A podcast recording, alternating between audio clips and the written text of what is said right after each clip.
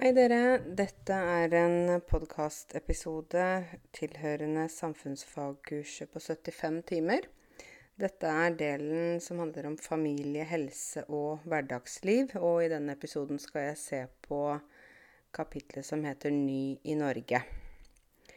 Eh, og da er det jo det å være ny i Norge, det eh, har jeg aldri vært fordi jeg kommer fra Norge. Så jeg vet jo ikke hvordan det føles å være ny i Norge, men jeg har vært ny i andre land som jeg har bodd i. Uh, og da er det jo alltid sånn at når man først kommer til et land, så er jo uh, I starten så er alt nytt. Det er spennende, det er skremmende, det er interessant. Um, og så kommer det an på hvorfor man har flyttet til det landet. Jeg har f.eks. flyttet til Canada da jeg var 18 år for å studere. Ikke sant? Det var jo noe jeg selv ville. Eh, og da var jo alt nytt og spennende og veldig gøy. Eh, jeg har i voksen alder eh, flyttet til Zanzibar eh, på østkysten i Afrika. Og det var for å jobbe. Men jeg valgte det selv, og da var alt også veldig nytt og spennende. Og så har jeg bodd kortere perioder i andre land, f.eks. Libanon. Um, men um, når det gjelder det med å flytte til et nytt land, og det å være ny i Norge, så er det jo forskjellige grunner til at folk flytter til Norge. Um, noen flytter hit fordi de har fått jobb her. Uh, de har kanskje fått jobb på forhånd og kommer hit som uh, arbeidsinnvandrere. Noen prøver lykken og kommer hit og prøver å få jobb mens de er her. Eh, noen har giftet seg med en norsk statsborger og har søkt om familiegjenforening og kommer til Norge av den grunn. Andre eh, har flyktet hit pga. krig eller katastrofer der de har bodd, som har gjort at de ikke har kunnet eh, være der de, de har bodd. De har måttet flykte. Det er, så det er forskjellige utgangspunkt for hvorfor man kommer til et land, og det tenker jeg er veldig viktig å tenke på eh, når man skal snakke om det å være ny i et land. Og det å være ny i Norge, som dette kapitlet handler om, er jo da eh, for dere som har kommet til Norge dere kommer av forskjellige grunner. Det er ikke lik grunn. Noen har kommet uh, fordi de ønsker, og de har valgt det selv. Andre har kommet fordi de har måttet flykte. Uh, ikke sant? Så utgangspunktet er forskjellig. Men uh, det som er felles, er jo det at når man kommer til et nytt land, så er alt nytt. Annerledes. noe er rart. Noe er spennende, noe er uh, skremmende, noe er fantastisk. Ikke sant? Det er gjerne en litt sånn blanding. Uh, så i starten så kan man være veldig sånn OK, nå er det en ny sjanse, nå skal jeg starte med blanke ark. Dette er noe som jeg uh, Ja, nå skal jeg gi dette landet en sjanse. Og så, etter det har gått en tid, da, da, begynner man ofte å få litt hjemlengsel, som det heter. Man begynner å savne hjemlandet. Man begynner å sammenligne eh, det nye landet, altså her i Norge, med hjemlandet. Og i hjemlandet så gjør vi sånn, men i Norge gjør de sånn. I hjemlandet spiser vi bedre mat enn i Norge. Eh, ofte kan det også være litt negativ måte å sammenligne på, fordi man er Man savner hjemlandet, og da begynner man å fokusere på alt man liker veldig godt med hjemlandet, og det er jo selvfølgelig helt naturlig. Um, men dette er jo det vi kaller for migrasjonsprosessen, da. Ikke sant? Først er alt kanskje spennende og nytt. Så kommer hverdagen. Så blir alt litt sånn mer vanlig. Um, og kanskje hverdagen møter deg. At det blir litt sånn realitetsorientering også. Eh, noen kan jo reise tilbake, noen gjør det, men noen kan ikke reise tilbake. Og da må de på en måte akseptere at her skal jeg bo fordi jeg ikke har et valg. Um, så det er veldig forskjellig utgangspunkt igjen for uh, det å være ny i Norge. Og så er det jo sånn Noen vet mye om Norge før de kommer hit. Noen uh, har undersøkt mye. Uh, F.eks. at hvis man fikk en jobb på forhånd, sant, så har man på en måte kanskje lest mye om Norge. Kanskje til og med lært litt norsk. Andre vet ingenting om Norge. Norge er jo ikke et stort land, sånn at uh, det er jo ikke rart hvis noen ikke vet så mye om Norge. Det forstår jeg godt. Uh, og så har du kanskje fått litt informasjon om Norge, men stemmer det?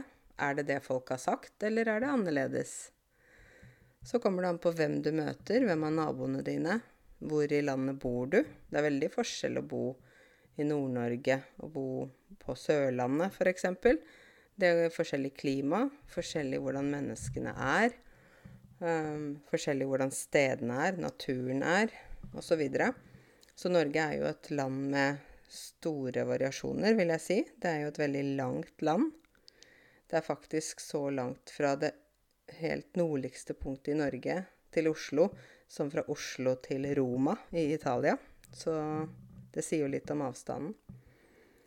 Um, og så er det jo sånn Hvis du skal sammenligne Norge med ditt hjemland, hva er likt, og hva er veldig forskjellig? Da kan det jo være Det kommer an helt an på hvor du kommer fra. Hvis du kommer fra kanskje et land i Europa, så kan det jo være noe i språket som er likt. Det kan være noe i maten, eller hvordan folk tenker, eller kulturen. Kommer du fra et land som er mye lengre unna Norge, så kan jo ting også være kanskje mer forskjellig. Uh, hvordan man tenker, uh, hvordan folk ser ut, hvordan uh, naturen er, hvordan folk oppfører seg osv. Det er store forskjeller. Så alle vet jo liksom Du vet jo selv hva som er de største likhetene, største forskjellene mellom Norge og ditt land. Og det er jo fint å reflektere over, tenker jeg.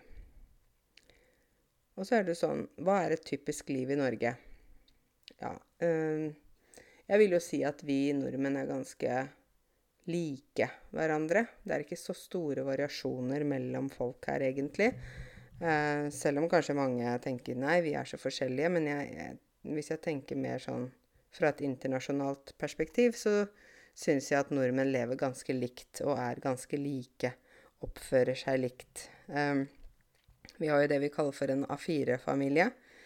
En A4-familie er uh, mor, far, to barn, uh, kanskje en hund. mor og far har faste jobber. Um, man bor i ja, en litt større bolig, kanskje hus eller rekkehus. Um, barna går på offentlig skole. Uh, foreldrene ja, jobber 100 Man har kanskje én familiebil. Man drar på ferie om sommeren. Uh, og man Ja, ellers så er livet ganske sånn vanlig. Barna går på aktiviteter ja, foreldrene jobber, er sammen i Familien er sammen i helger osv. Så, videre. så det er jo det sånn typisk norsk familie, sånn helt typisk kanskje. Og så gjør de typiske norske ting. Gå på ski om vinteren og ja, dra på ferie om sommeren. Um, spise brødskive til frokost og lunsj, kanskje. Mm, ja, det er, det er, mye likt, egentlig, vil jeg si. Um, og så er det jo litt sånn Hva er det dere som er nye i Norge, vet om oss? Hva vet dere egentlig om oss? Så tenker jeg Jeg tror, ikke, tror det er mange som ikke vet så mye om oss nordmenn. Og hvorfor det? Jo, fordi vi ikke kanskje deler så mye om oss selv. Eller det ikke er så lett å bli kjent med oss. Det er ikke så lett å komme inn under huden vår, som vi sier, som er et uttrykk. Og, og hvordan kan man da vite litt sånn øh, hvordan nordmenn er, ikke sant? Det er ikke så lett. Da må man jo få informasjon fra noe sted. Sånn som f.eks. dette kurset her. Eller eh, bli kjent med noen nordmenn, snakke med noen. Men hvordan skal man gjøre det? Jeg har jo alltid sagt eh, eh at det er lurt å møte nordmenn eh, i, på organiserte aktiviteter. F.eks. gjennom frivillige organisasjoner, sport, musikk eller sånne ting. For det er ikke så vanlig å snakke med folk på gata her i Norge som det er i mange land. Det tror jeg også handler litt om klima. ikke sant? Eh, at det er kaldt her. Vi er mye inne. Og da er det på en måte Store deler av året er vi mye inne. Hvis vi ikke er på ski og sånn, men det er ikke sånn som i mange land som er varme, der man bare kan stå på gata og snakke sammen, og alt er veldig sånn fritt. Store deler av året så er det kaldt, og da treffer du ikke folk på gata. Man orker jo ikke å stå i kulda og snakke så mye heller. Innad i Norge så er det jo sånn at nordmenn også flytter på seg rundt i landet. Noen flytter fordi de får jobb. Andre flytter fordi de ønsker å flytte fra landet til byen, eller fra byen til landet. Noen gifter seg og flytter av den grunn. Det er mange grunner, men jeg vil si at Norge har ganske store variasjoner ettersom hvor man bor. Ikke, ikke, sånn at nordmenn er forskjellige. Vi er ganske like. Vi gjør ganske mange like ting og tenker ganske likt. Men hvordan livet er på det stedet der du bor, det kan være ganske forskjellig. For det kommer an på hva slags tilbud som er der du bor, hvilke muligheter du har, uh, hva slags lokalsamfunn du bor i, osv. Så, videre. så det, det er jo litt sånn uh, variabelt, egentlig. Um, i Norge så er det jo ikke så mange mennesker. Nå er det ca. 5,4 millioner. Eh, og faktisk ca. 1 million av disse er født i utlandet eller har foreldre som er født i utlandet. Så det er jo ganske mange. Det er jo en femtedel, faktisk. 18% av befolkningen i Norge eh, har innvandrerbakgrunn eller er født i utlandet. Og halvparten av disse igjen har da norsk statsborgerskap. Og jeg har jo mange venner som eh, er født i Norge, men har foreldre som kom til Norge fra et annet land. Eh, men de er norske borgere, ikke sant? Men jeg tenker at Norge har en lang vei å gå når det gjelder dette her med å eh, ha variasjon i befolkningen for hvem man kaller norsk. Så da jeg bodde i Canada, så var det jo sånn at en canadier hadde ikke et spesielt utseende, et spesifikt utseende, eller uh, gjorde spesielle aktiviteter eller tenkte på en spesiell måte som man kunne si ja, du er canadisk, og du er ikke canadisk. Det var sånn En canadier kan være veldig mye forskjellig, ikke sant? Mens her i Norge så vil jeg fortsatt si at vi er ganske sånn bestemte på hvem som er da etnisk norsk, da, for å, for å, si det sånn. Det er ikke så store variasjoner blant nordmenn. Vi er forholdsvis konforme, like. Um, og jeg håper jo en dag vi kommer dit at vi Litt sånn som Canada. At vi ikke kan si ja, du er norsk og du er ikke norsk, men at forskjellige folk kan assosieres med å være norske. Ikke sant? Men jeg tror vi har en lang vei å gå der, da. Um, og så er det, jo, er det jo sånn at vi, vi, er jo i en særstilling. Altså landet vårt er jo et lite land, uh, men et lite land med mye penger. Uh, og den utviklingen der har jo også gått veldig raskt, ikke sant. For, for 100 år siden så var vi jo et kjempefattig land. Uh, før vi fant oljen og sånn, så ikke sant. Det er kaldt her. Det er tøft å bo her. Eh, vi hadde ikke så mange naturressurser. Vi hadde ikke mye penger. Eh, folk var fattige. Det var store familier, store barnefamilier. Det var store forskjeller mellom fattig og rik, osv. Nå i dag så er jo, vil jeg si at veldig mange i Norge lever veldig godt. At uh, majoriteten har det de trenger. Det finnes selvfølgelig familier og sånn der det er fattigdom, men sånn, hvis vi tenker alt i alt, så har folk det veldig bra eh, i Norge. Vi har jo eh, verdens høyeste levealder, så å si, sånn pluss-minus. Vi er på, veldig på, på, høyt tall for hva som er gjennomsnittet. Eh, sist jeg så det, så var det 83 år for damer og 81 år for menn, eller noe sånt, som er gjennomsnittsalderen, da. Det er jo ganske utrolig. Det er jo faktisk eh, veldig egentlig gammelt, hvis man sammenligner det på verdensbasis. Eh, og levestandarden vår er blant de høyeste i verden. Vi har, det, vi, har det, veldig godt, stort sett. Eh, de fleste nordmenn har en grei økonomi. Uh, vi leier bolig, eller vi eier bolig, men vi bor godt. Vi har nok mat, vi har nok klær.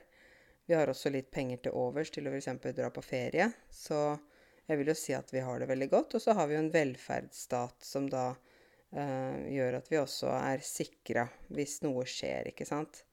Og det handler jo igjen om at vi betaler skatt og avgift som da kommer tilbake til oss uh, i ulike faser i livet, da. Så, men jeg har faktisk, jeg som har bodd i flere land, jeg har jo tenkt at jeg syns det har vært veldig fint å bo i andre land.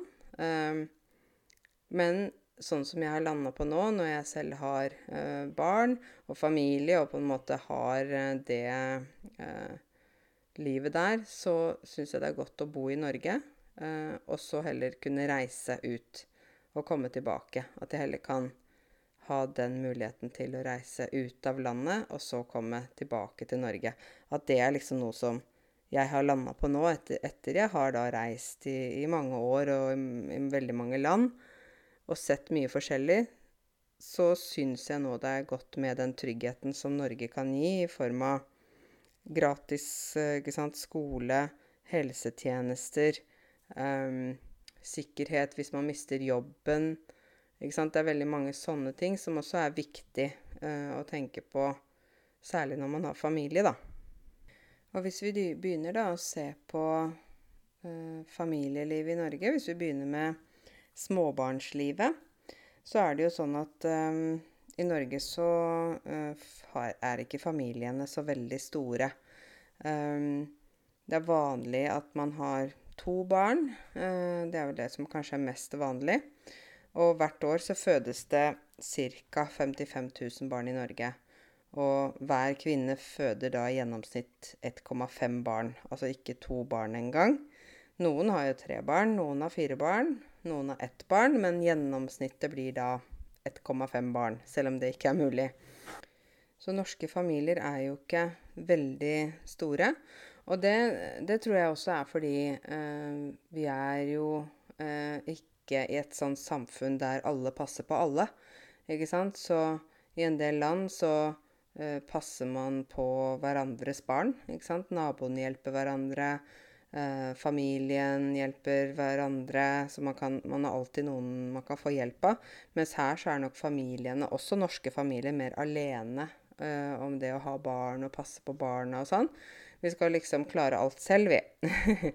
Jeg tror det er fint å, å, hjelpe hverandre og kunne spørre hverandre og ha den tette kontakten. Eh, men jeg tror også mange innvandrere, når de kommer til Norge, så innser de at oi, vi kan jo ikke ha så mange barn her i Norge. Det går ikke, det. Fordi vi er mye alene. Vi kan ikke spørre andre om hjelp, fordi de har liksom nok med sine barn, ikke sant. Så da kan man jo ikke uh, spørre dem uh, om hjelp, på samme måte som man kunne gjort i hjemlandet.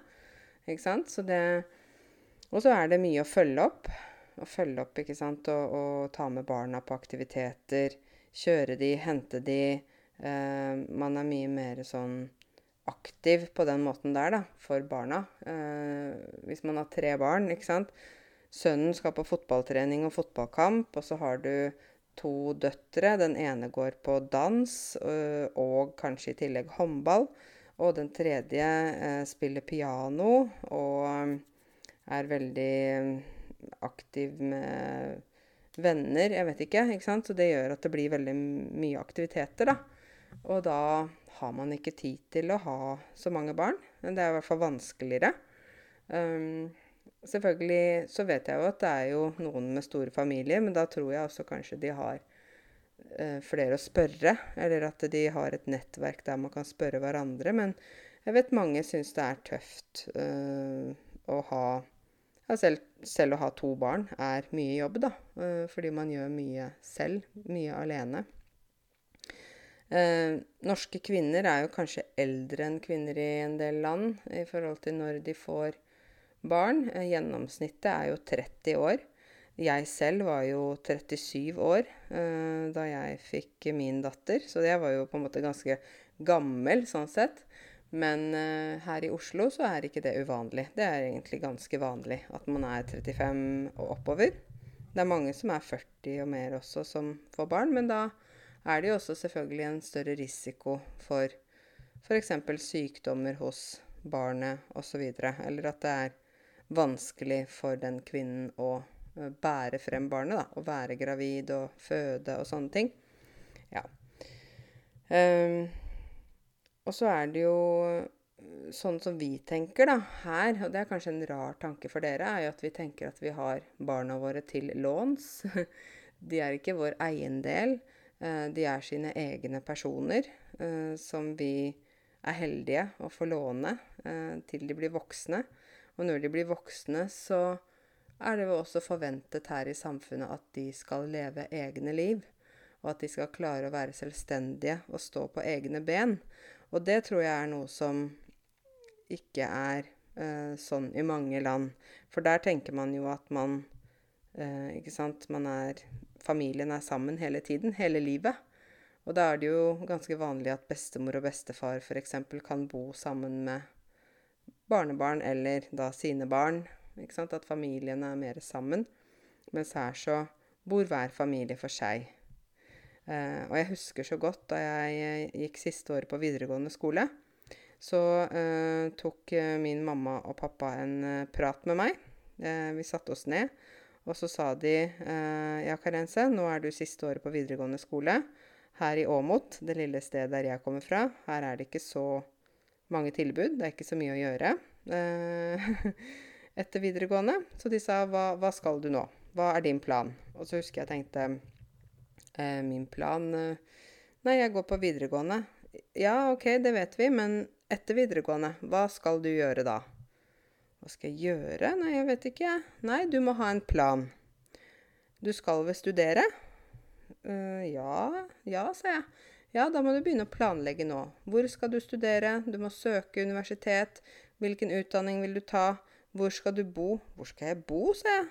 Så sa de ja. For når du er ferdig på videregående, så, så må du videre. Videre? Ja, da må du finne ut hvor du skal være, hvor du skal studere, hvor du skal bo. For det er ikke noe universitet her i Åmot. Så du må finne ut hvor du skal være. Og det var for meg en litt sånn uh, tøff opplevelse. Fordi jeg skjønte at oi, OK, nå blir jeg 18 år. Uh, da tenker mamma og pappa at jeg er voksen. Og da skal jeg klare meg selv. Selvfølgelig hadde jeg støtta dem, og sånne ting, men de tenker da at jeg skal flytte ut fordi jeg skal studere. Og da tenker de også at jeg flytter ut for å ikke flytte hjem igjen. Ikke sant? Da skal jeg studere, og så skal jeg finne meg bolig, så skal jeg finne meg jobb, og så er jeg voksen. Og det er nok veldig forskjellig her i Norge fra veldig mange land og kulturer. Da bor man hjemme til man gifter seg. Veldig ofte. Og det er veldig rart for oss her i Norge. Her er det sånn at vi vi flytter ut når vi er ferdig med videregående. Altså selvfølgelig, eh, bor du i Oslo og du skal studere i Oslo, så er det jo logisk at du fortsetter å bo hjemme for, rett og slett fordi boliger er veldig dyre å leie. Men det er ikke fordi du ikke kan eller ikke får lov. Det er rett og slett av økonomiske årsaker. Men man får jo studielån og stipend og sånne ting, men ofte er ikke det nok, da. Så øh, vi har en annen måte å se på dette med barneoppdragelse og barn og voksne og sånn på. Um, vi er veldig opptatt av at barna skal bli selvstendige, at de skal lære seg ting, at de skal stå på egne ben. Og det begynner vi med når barna er veldig små. Det går nesten på automatikk. Jeg selv gjør jo det med min datter nå, ikke sant. Jeg vil at hun skal utforske, lære ting selv. Eh, selvfølgelig ikke alt, hun er jo bare litt over et år nå, men eh, men hvis hun faller, f.eks., og slår seg, så Jeg trøster henne jo, men jeg vil også at hun skal lære at ja, hun kan falle, og så kan hun reise seg opp, og det går bra. Ikke sant? Så vi, vi går sammen med barna, men vi går ikke for barna. Altså, barna må gå selv. Ikke, ikke bare sånn gå, du vet, fysisk, men, men, mentalt. De må lære seg ting selv. Det er veldig, veldig viktig uh, for oss nordmenn at vi får selvstendige barn. Fordi vårt samfunn er et sånn individualistsamfunn, der vi er veldig opptatt av uh, vårt eget liv. Og at vi skal klare oss selv, det er en veldig viktig verdi, egentlig. Selvstendighet. Det er viktig for oss fordi at det er det samfunnet vi lever i. Og hvis barna våre ikke klarer seg selv, hvis de ikke er selvstendige, så vil det være vanskelig å bo i Norge, rett og slett. Så det er jo noe som dere også kan tenke på, eh, dere som har barn, og som oppdrar barn i Norge. Ja, eh, de kommer fra en familie med en annen bakgrunn, men de bor i Norge. Og samfunnet forventer også at de er selvstendige. Eh, og jeg har jo snakka med foreldre i mange år som sant, de sier ja, men barna mine skal ikke flytte ut før de gifter seg. Barna mine må bo med meg og pappaen, og de, de, vi bestemmer over, det. Men sånn her i Norge så er det faktisk Er du 18 år, så er du myndig. Ja, myndig betyr at da er du egentlig voksen. Da kan du stemme ved stortingsvalg. Du kan kjøre bil. Du kan kjøpe øl og vin. Eh, du, du er ikke regna som barn lenger, faktisk. Men det er jo ikke alle som er klare til å flytte ut når de er 18 år. Men det å bo hjemme til man er 30 år, f.eks., det blir eh, sett ned på i Norge. Da begynner man å lure på om noe er galt, ikke sant? Ikke fordi man ikke er gift, men fordi man ikke bor et sted selv. Og mange kan jo si nei, det der er en forferdelig tankegang, vi liker ikke måten dere nordmenn tenker på. Så tenker jeg ja, det er jo helt greit, man trenger ikke like alt, men det er realiteten. Det er det samfunnet vi bor i. Og jeg syns det er viktig at dere som har barn som vokser opp her, vet det. Fordi de barna, ja, de bor hos dere, og de får verdier fra dere, men de bor også i det norske samfunnet. Og i samfunnet så er det andre forventninger enn hva det kanskje er innenfor husets fire vegger, inne i familielivet, i huset der dere bor, da. Ikke sant? Um, det er vanlig at uh, både mor og far jobber i Norge. Og det er vanlig at barna går i barnehage og skole. Selvfølgelig går de på skole, men også at de starter i barnehagen. Um, det er jo ikke noe sånn bestemt når de må starte i barnehagen, men pga. at de skal uh, De må sosialiseres. Det er fint for dem språkmessig, sosialt. Fint for dem å lære å leke med andre barn, lære å dele, alle mulige sånne ting. Eh, så ønsker vi jo at barna skal gå i barnehage før de begynner på skolen. Fordi jeg som lærer har jo hatt barn i klasse som ikke har gått i barnehagen. ikke sant? Og det er veldig vanskelig. Eh, særlig hvis de også ikke kan noe særlig norsk. ikke sant? De kommer rett fra eh, huset hjemme og rett inn i klassen. Da er det veldig vanskelig. Det er vanskelig for dem å få til å forstå hvordan Eh, man er i gruppe, samspill med andre. Eh, det blir vanskelig, så jeg vil alltid anbefale dere å sende barna i barnehagen. Hvor tidlig dere sender de, er jo opp til dere, men at de må gå litt i barnehagen før de begynner på skolen, det tenker jeg er viktig. Noen syns jo det er veldig tidlig at barna begynner når de er ett år på barnehagen. Jeg kan si meg enig i det. Eh, det kommer an på barnet. Noen barn er ikke klare for å begynne uh, i barnehagen når de er ett år. Og da tenker jeg at det er fint at uh, foreldrene heller bør vurdere litt andre muligheter. F.eks. at man kan gå litt ned i stilling eller litt ned i lønn. Så kan f.eks. Eh, en av foreldrene være hjemme litt lenger med barnet. Um, og at, uh, at uh, man heller kan besøke f.eks. åpen barnehage der det fins. Sånn da går man jo med barnet i barnehagen, men det er ikke en fast gruppe eller sånn som går der, men man har mulighet da til å uh, gå der og bli kjent med andre barn og sosialisere seg og se hvordan systemet fungerer, da. Um, dette her med når vi får uh, barn, så er det jo, må jeg virkelig si at det er et fantastisk system her i Norge. Uh, jeg selv har jo vært gravid, gått gjennom hele den der. Jeg ble fulgt opp av helsesøster. Jeg var på kontroller. De, vi møttes jevnlig, hadde ultralyd. Uh, og fordi jeg var over 35, så tok jeg en utvidet ultralyd for å sjekke fosteret. For å sjekke at alt var bra med, med babyen.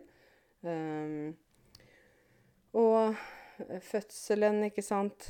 Bare det at det er gratis å føde. Det er ikke gratis i alle land å føde. Å få, dra på sykehus og få barnet. ikke sant? Noen land så må man jo betale mye penger for det. Eh, så det trenger vi jo ikke tenke på. Eh, og barnet får vaksiner. Vi har vaksinasjonsprogram eh, på helsestasjonen. Vi blir fulgt opp. Vi har barselgrupper for de mammaene som er hjemme. Vi har pappagrupper, sånn at pappaene kan bli kjent. Um, alt systemet rundt syns jeg er så bra, da. Det gjør at jeg syns det er litt trygt og godt for både familiene og for barna. Uh, og så er det dette med etter hvert så begynner de i barnehage, ikke sant. Og så etter hvert er det skole, og man har jo da rett og plikt til å gå på skole, uh, i hvert fall grunnskole i Norge, som er ti år. Um, når det gjelder um, barnehage, så er jo ikke barnehage helt gratis. Man betaler en egenandel.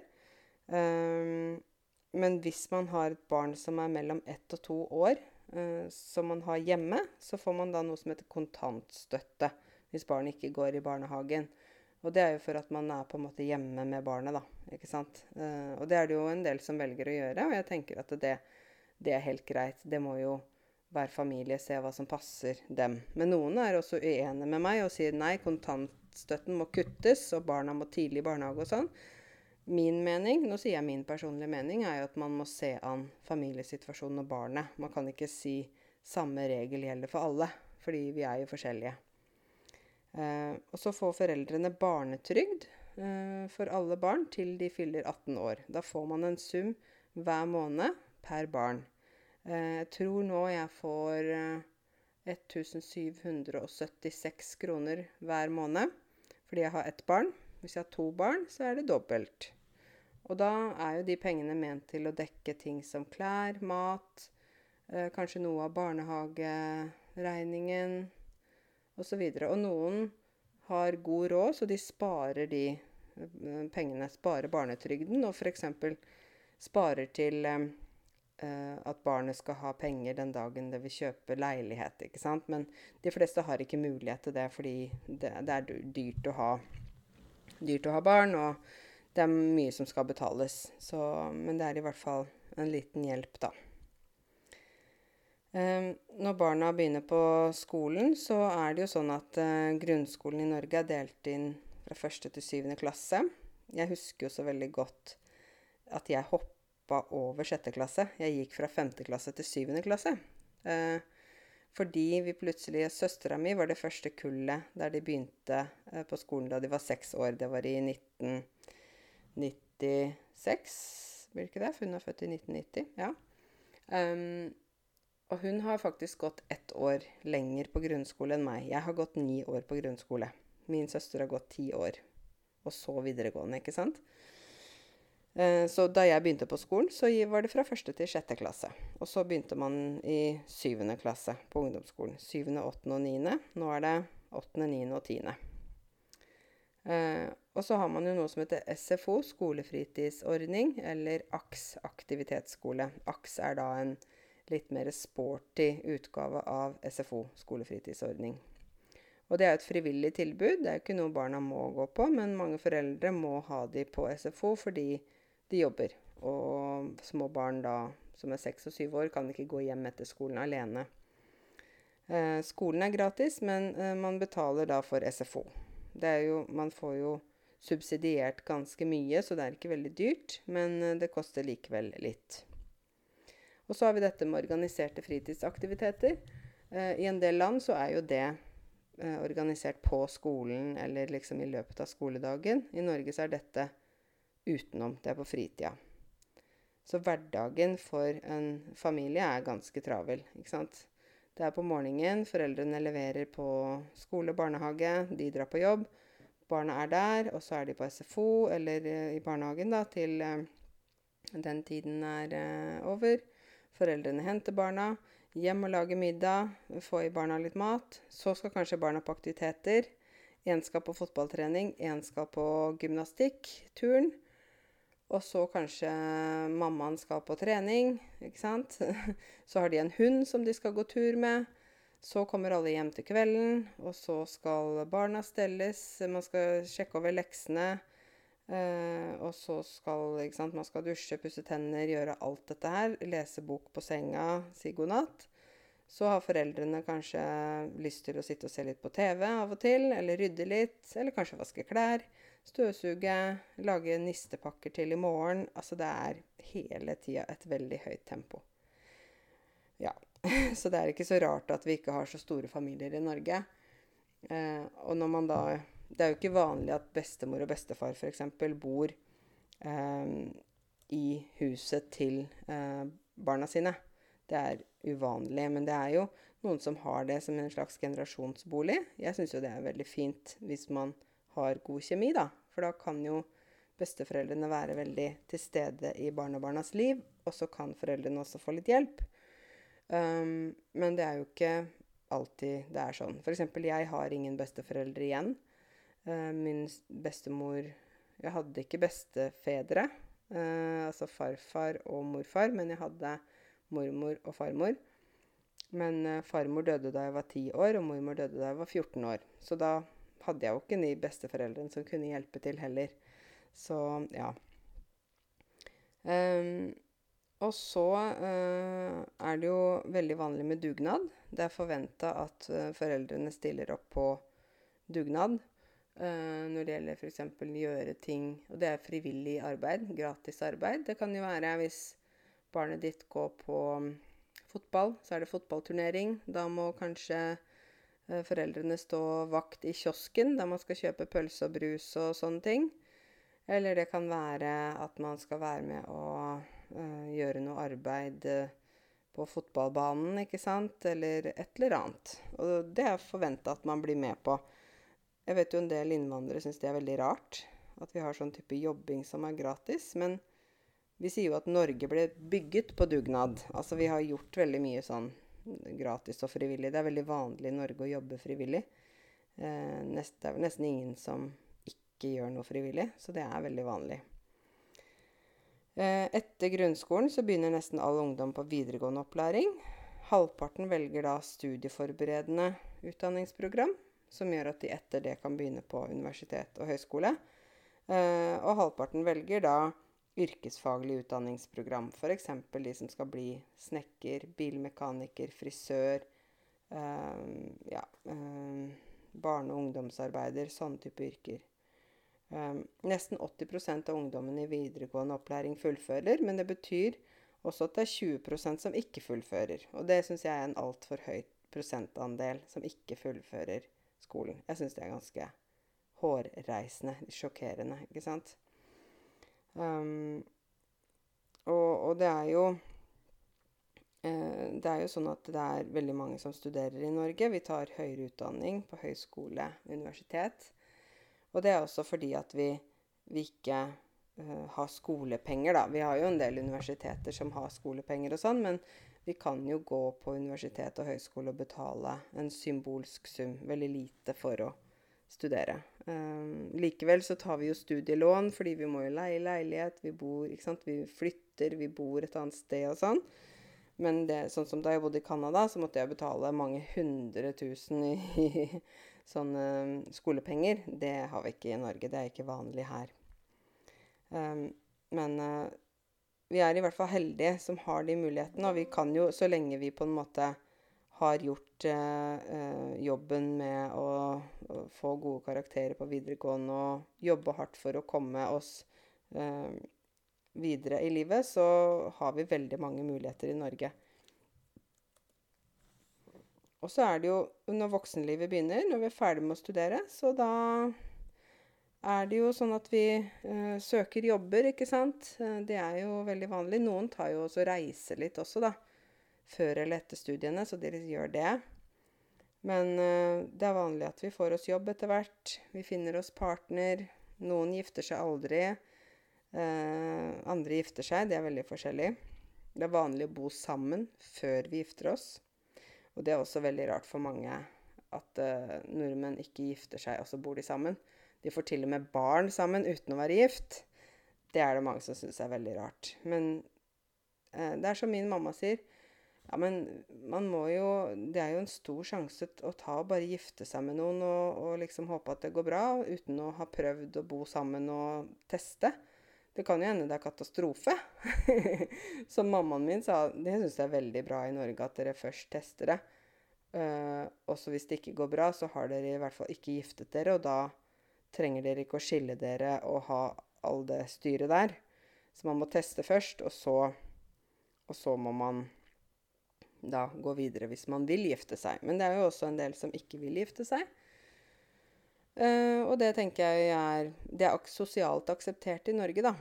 Jeg tror i mange land så er det ikke sosialt akseptert. Da begynner naboene å snakke. Folk begynner å sladre. Og vet du hva, de der, der de bor sammen, og de er ikke gift. Tenk på det. Uff a meg. Her i Norge så Du vet, folk er ikke så opptatt av hva naboen gjør. Uh, vi er mer opptatt av oss selv og vår lille familie eller vårt liv.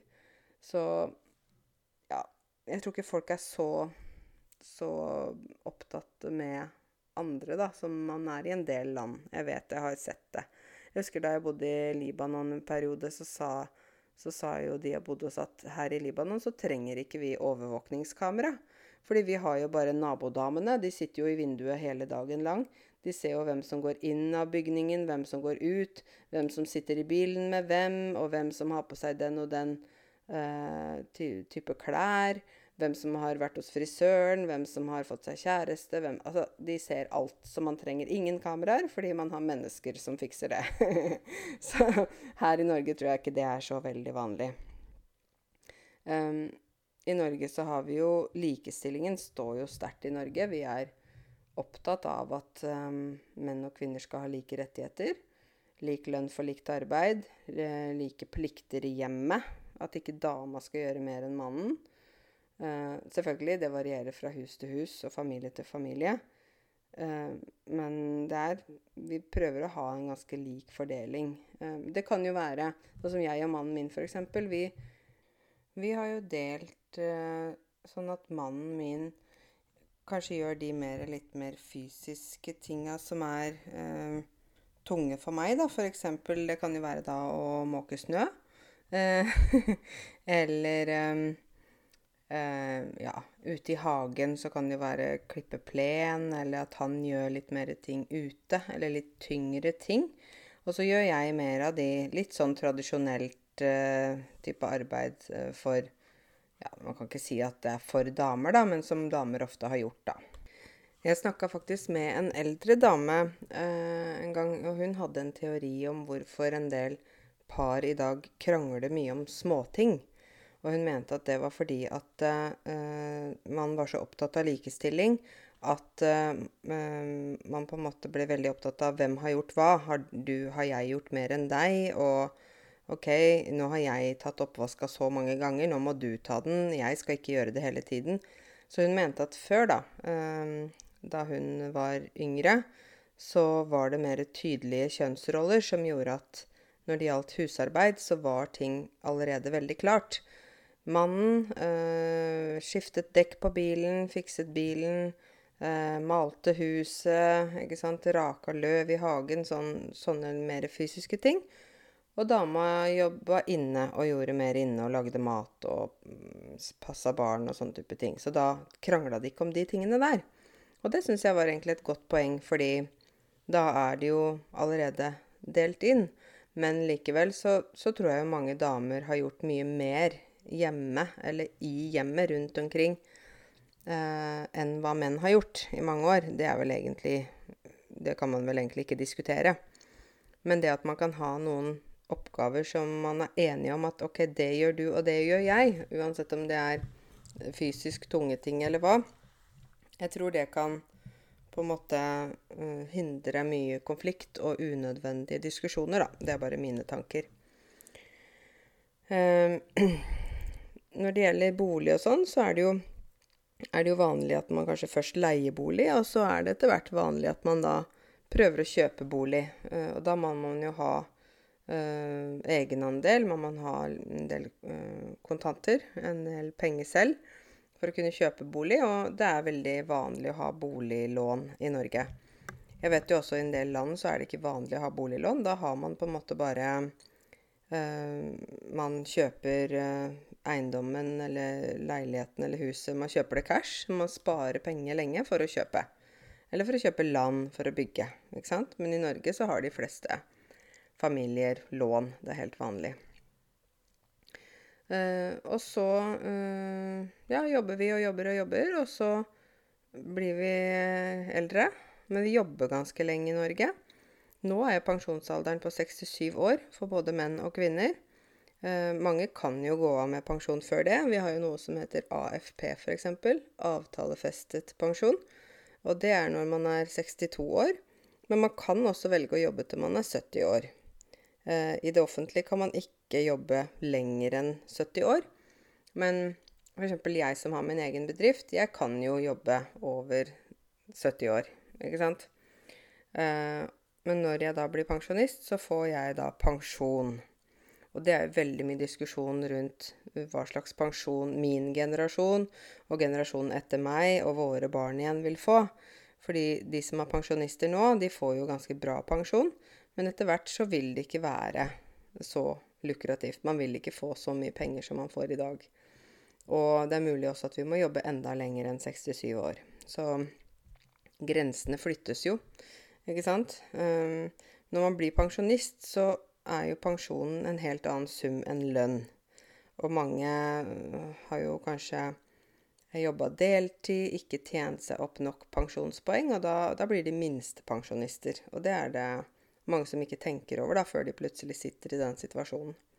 Så det er alltid lurt å snakke med banken om man bør justere litt, om man bør spare litt på egen hånd og sånn, for å ikke bli da kanskje minstepensjonist, for da har man veldig lite penger. Um, Mammaen min, f.eks., hun jobba jo 50 Uh, altså som frisør i veldig mange år da jeg og søsteren min var små, så hun var hjemme annenhver dag. Eh, og det gjør at hun, når hun blir pensjonist, så blir hun minstepensjonist. Ikke sant? Men på 80-tallet, da, da hun uh, var hjemme med oss, så var det ingen som snakka om Du, uh, har du tenkt over at når du er 50% hjemme, så blir du minstepensjonist en dag? Det var jo ingen som sa det til henne. Men det var jo realiteten. Og det på en måte må hun da ta konsekvensen for nå, etter hvert når hun blir såpass gammel, da. Hun er jo ennå ganske ung. Um, men i Norge, da, så er det jo sånn at vi er ikke gamle. Um, altså vi anser ikke oss selv som gamle før vi nesten omtrent ikke klarer å gå. Og selv da så tenker vi at vi ikke er gamle. Eller vi tenker at nei, vi klarer det selv, vi er spreke. Noen har jo sagt ja, jeg har prøvd å gi setet mitt til en gammel dame på bussen, og hun ble bare sur. ja, det er fordi den gamle dama blir fornærma og tenkes Oi, ser du på meg som så gammel at jeg ikke klarer å stå? Men så har kanskje du som har prøvd å gi setet ditt, bare prøvd å være høflig og vise respekt, som ville vært vanlig i ditt land, men i Norge så er det altså ikke vanlig. Så da blir de både kan bli sure og irriterte og sånn. Så det er veldig rart. Du kan se gamle mennesker som Går tur i skogen, går tur i fjellet. De har vært på butikken. De bærer tunge handleposer selv. De skal ikke ha hjelp, ikke sant. Det er mye sånn. Eh, de som er pensjonister, er jo, har jo ofte et veldig aktivt liv. De reiser, de trener, de er ute med venner. De gjør masse forskjellig. Og så har de ofte ganske god økonomi så lenge de ikke er minstepensjonister, fordi de har eh, ikke noe gjeld, ikke sant, og kanskje spart en del penger og sånn. Eh, og de betaler jo ikke for barna sine, for barna er jo voksne, ikke sant, og har sine egne liv. Og så er det jo sånn at de fleste da bor i den boligen de alltid har bodd. Uh, noen selger huset og flytter til leilighet fordi det er mindre arbeid. Uh, men noen også som har da etter hvert helseproblemer, de får jo kanskje da hjemmesykepleien som kommer hjem til de og hjelper de og sånn. Det kan jo være når de blir mye eldre, da. Um, og så, hvis man da etter hvert ikke klarer å bo hjemme, så er det jo vanlig at man da kommer på sykehjem. Og det er det mange som har sett og sagt at du kan ikke sende mammaen din på sykehjem. Du må ha henne hjemme hos deg, du må pleie henne, og du må ta vare på henne. Du kan ikke sende henne bort til fremmede. Men sannheten er at de norske eh, eldre, de vil ikke bo hjemme hos sin familie. For de skal ikke de, de vil ikke belaste sine familier. De vil ikke være ekstra jobb for barna sine, f.eks. Så hvis du hadde spurt en gammel dame eller en gammel mann ville du bodd hjemme hos din datter eller sønn, så hadde de sagt nei, nei, nei, nei, nei. De har sine egne liv, og jeg har mitt liv. Og det er nok også en litt sånn rar tankemåte, kanskje. Eh, der man i mange familier så er jo Man skal bo sammen, da. Jeg husker faktisk jeg hadde en dame eh, som var min elev. Hun var 61 år. Eh, hun kom fra Kenya. Eh, hadde en klasse en gang. Og så sa hun, vet du hva, Karense? Når jeg kom til Norge, når jeg kom til flyplassen første gang, så i Kenya så var jeg gammel. Ikke sant? Hun var jo da kanskje 59 første gangen hun kom til Norge. Hun sa i Kenya var jeg gammel. Folk så på meg som gammel. Og jeg gikk som en gammel dame. Jeg hadde bøyd rygg. Jeg gikk sakte. Jeg gjorde alt sakte. Og så kom jeg til Norge, og så ser jeg rundt meg, og så ser jeg mennesker som er mye eldre enn meg. Mye mer rynker i ansiktet. Du ser at uh, kroppene deres er uh, absolutt eldre kropper. Men de går, de løper, de er overalt, de gjør masse ting selv. Så hun begynte å rette seg opp i ryggen. Hun begynte å føle seg yngre, fordi i Norge så er jo 60 år det er jo ingenting. Man er ikke gammel da. Og så begynte hun å jogge. Eh, og hun hadde jo i Kenya, da hun var ungdom, eh, løpt mye. Hun hadde drevet med friidrett eh, og løping. Sånn, eh, ikke sant 100 meter, 500 meter, sånn forskjellig i friidrett. Og hun sa, vet du hva, nå har jeg bodd i Norge i seks år. Nå er jeg hva hun var da, 65 år eller noe sånt nå, etter hvert. Uh, uh, ja, jeg tror det var noe sånt, jeg husker ikke helt. Men hun har i hvert fall bodd noen år i Norge. Og så sa hun at uh, nå er jeg Jeg føler meg yngre enn da jeg først kom til Norge. Så jeg har blitt yngre av å bo her.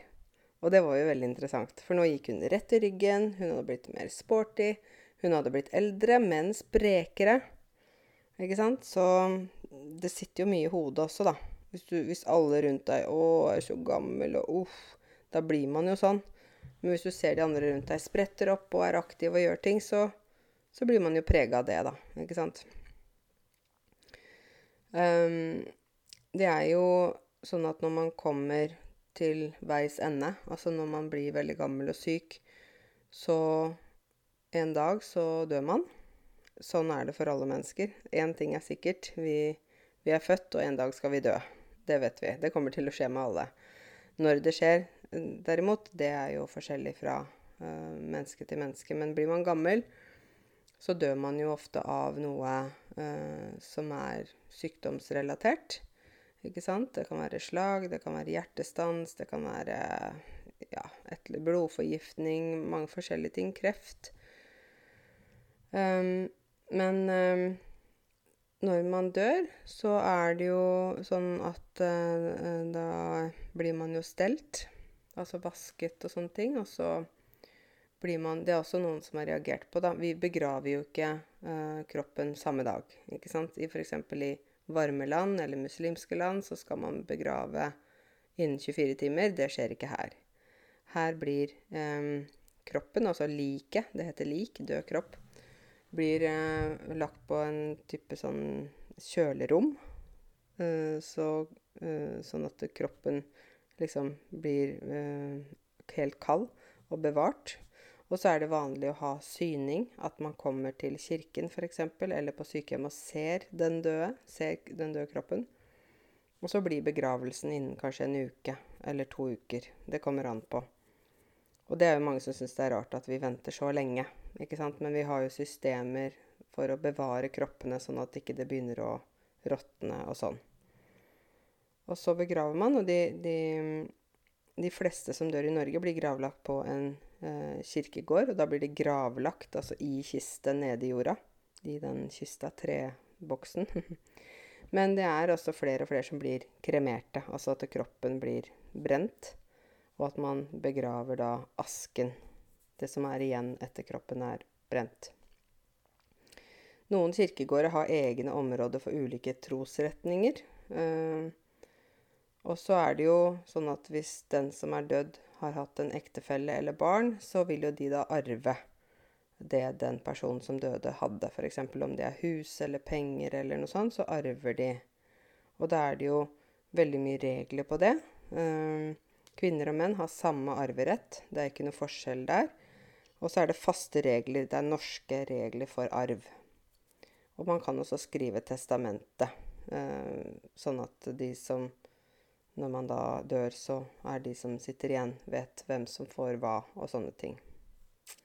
Så det er liksom fra vugge til grav, sier vi. Vugge er jo en sånn seng der babyene ligger, og til grav er der siste hvilested for kroppen. Det er jo Ja. Men jeg tror jo man kan ha et langt og godt og lykkelig liv i Norge. Ikke sant? Men man må selv være en aktiv deltaker i livet sitt. Og ikke bare støtte seg på andre. Vi, vi må ta aktiv del selv i livet vårt for å ha et godt liv i Norge. Det tror jeg er veldig viktig.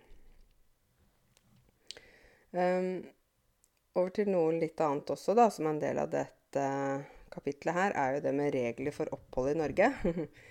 um, innvandrere som er født i utlandet, men som bor i Norge, har da forskjellige regler de må forholde seg til. Og det har vi jo snakka om.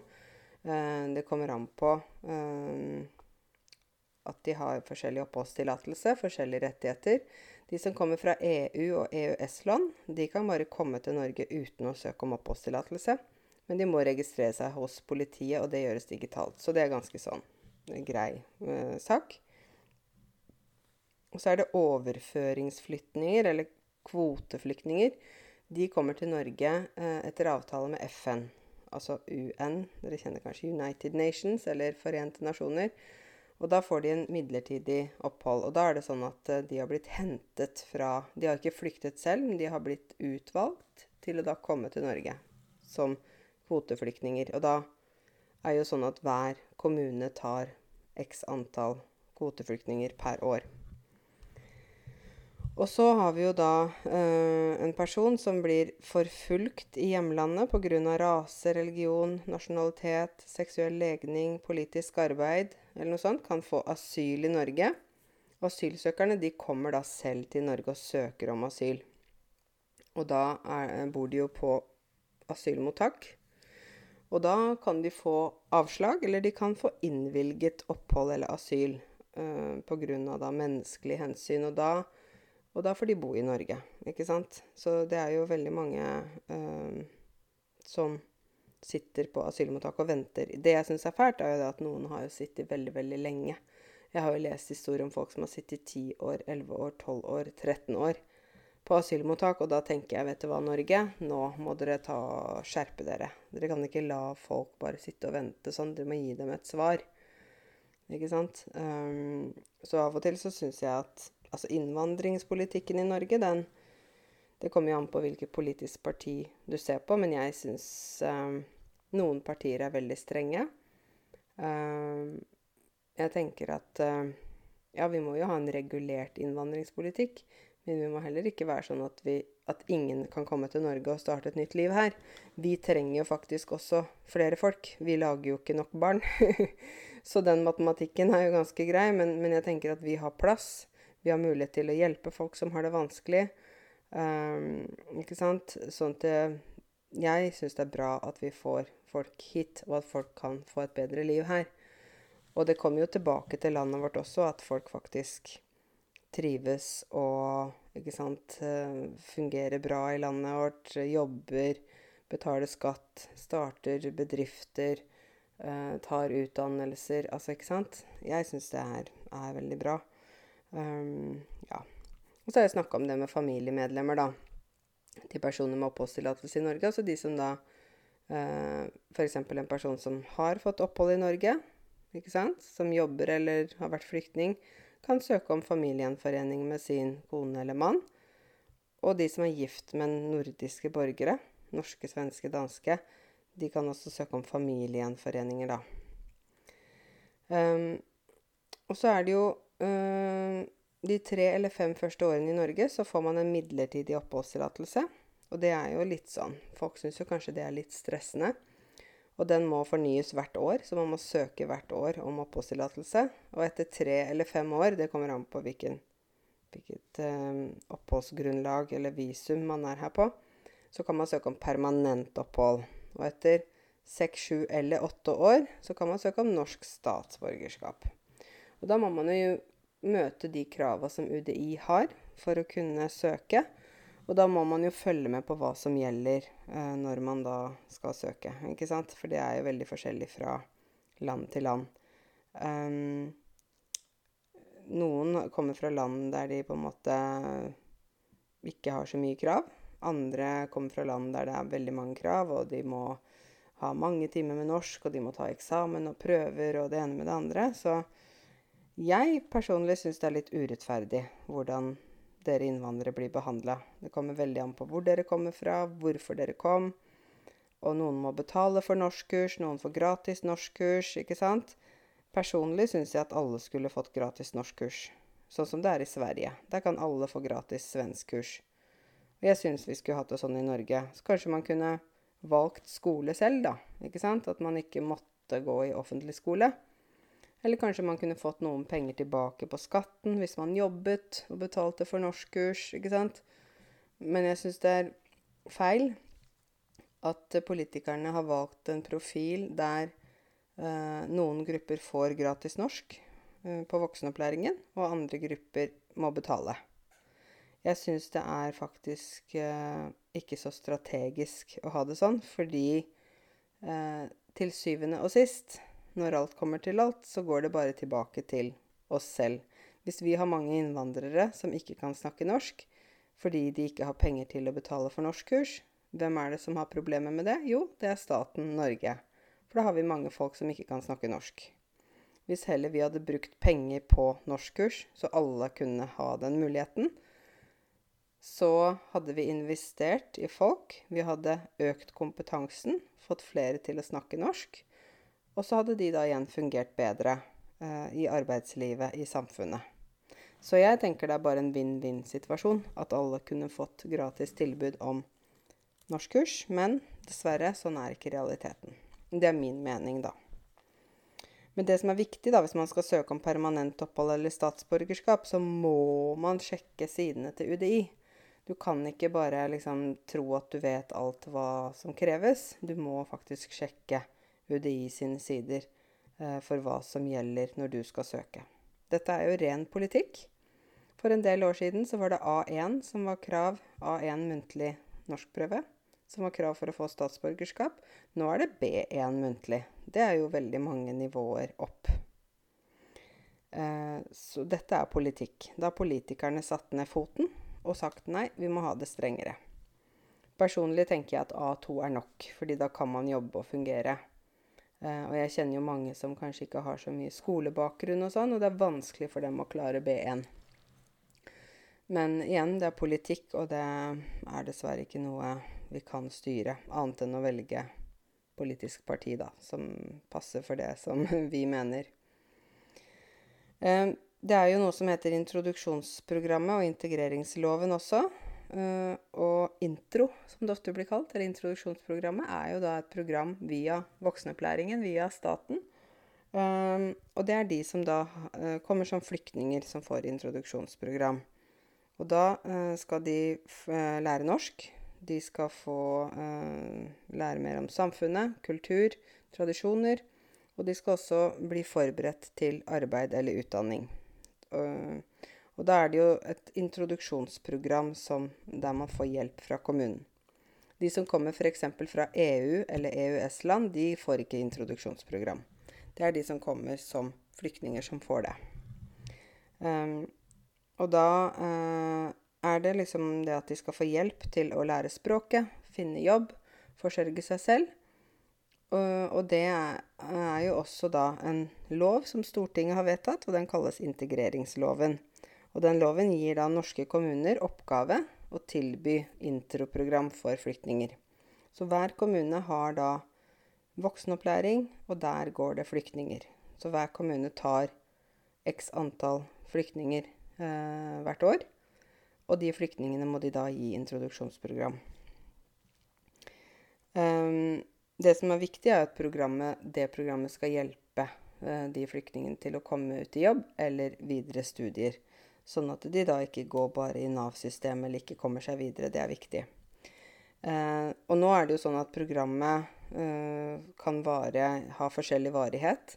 Det har jo i mange år vært to år, men jeg vet jo mange ukrainere nå f.eks. har jo bare hatt et introduksjonsprogram på seks måneder.